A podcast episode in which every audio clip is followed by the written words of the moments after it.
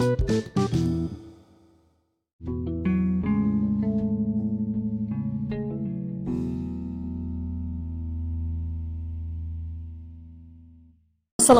warahmatullahi wabarakatuh. Selamat datang kembali di channel Harafalin Podcast Tuan Rumah Harafalin.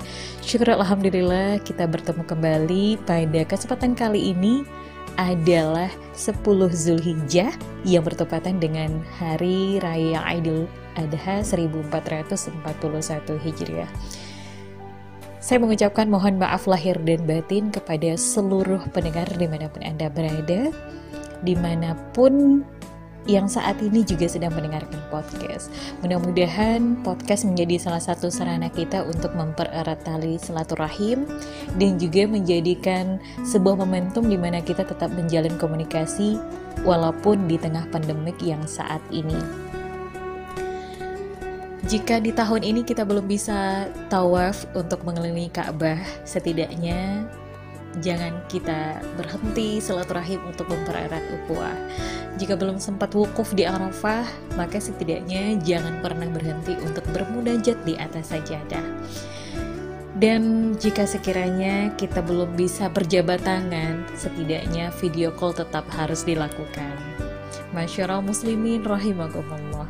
Akhirnya kita berdoa, sama-sama kita menengadahkan tangan kehadiran Allah Subhanahu wa taala Semoga Allah menghindarkan negara kita dari bala, menghindarkan negara kita dari wabah penyakit, menghindarkan negara kita dari harga yang melambung tinggi, kemudian dari krisis ekonomi dan musibah yang lainnya. Dan semoga di Idul Adha kali ini kita menjadi pribadi yang lebih rela untuk berkorban karena Allah lagi. Karena pada saat pada dasarnya cinta yang sesungguhnya itu adalah cinta yang memang kita korbankan hanya untuk Allah dan di jalan Allah semata. Dan semoga Allah senantiasa memberikan hidayah kepada kita semua agar segala keikhlasan, segala bentuk penghambaan tetap bersandar hanya kepada Allah. Semoga kita tetap istiqomah di jalannya dan ini adalah salah satu bentuk ketaatan yang insya Allah paripurna. Dan mudah-mudahan bagi yang tidak bisa pulang, seperti halnya saya pada kesempatan kali ini tidak bisa pulang, mudah-mudahan tetap bisa menjalin silaturahim, baik itu melalui telepon, video call, dan segala macamnya. Yang pada intinya adalah silaturahim tidak pernah terputus gitu. Kalau boleh diceritain sih ya, ini adalah momen keenam kali Lebaran Idul Fitri dan juga Idul Adha saya tidak pulang kampung gitu. Paling pulang kampungnya itu H plus 2 atau H plus 1 ya. Paling cepat itu H plus 1. Karena memang pada dasarnya adalah tidak hanya sekedar pulang, tapi bagaimana kita bisa bermakna di tempat kita yang sekarang. Kalau orang tua sih apa tidak marah gitu. Terus terang awal-awalnya orang tua sempat bertanya gitu kalau misalnya kerja kok sampai larut malam, maksudnya dalam artian seperti di Ramadan gitu sama, sama di momentum saat Idul Adha. Kalau di Ramadan kan waktu itu penyebaran zakat fitrah karena pada dasarnya ketika khatib sudah naik mimbar berarti jatuhnya sedekah bukan zakat fitrah gitu.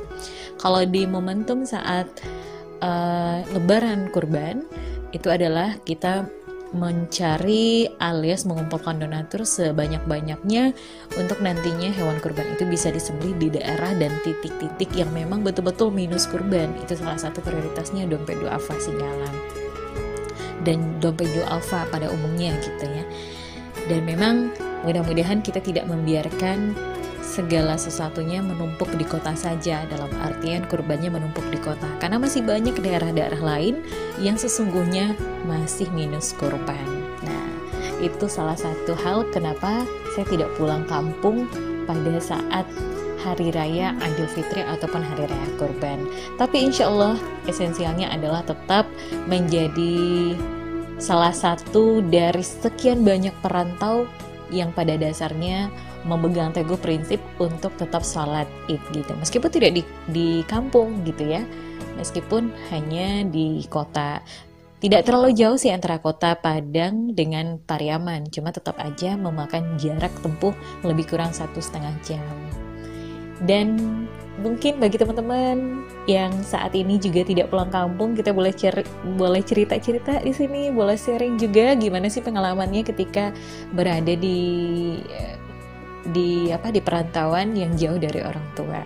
Insya Allah nanti kita akan cerita dan mana tahu teman-teman bisa menjadi bagian dari podcast ini perjalanan episode dan doakan mudah-mudahan Harafalim Podcast bisa sampai di 10.000 episode dan juga tetap memberikan kebermanfaatan bagi se, bagi setiap pendengar atau bagi siapa pun dan di mana pun dia berada.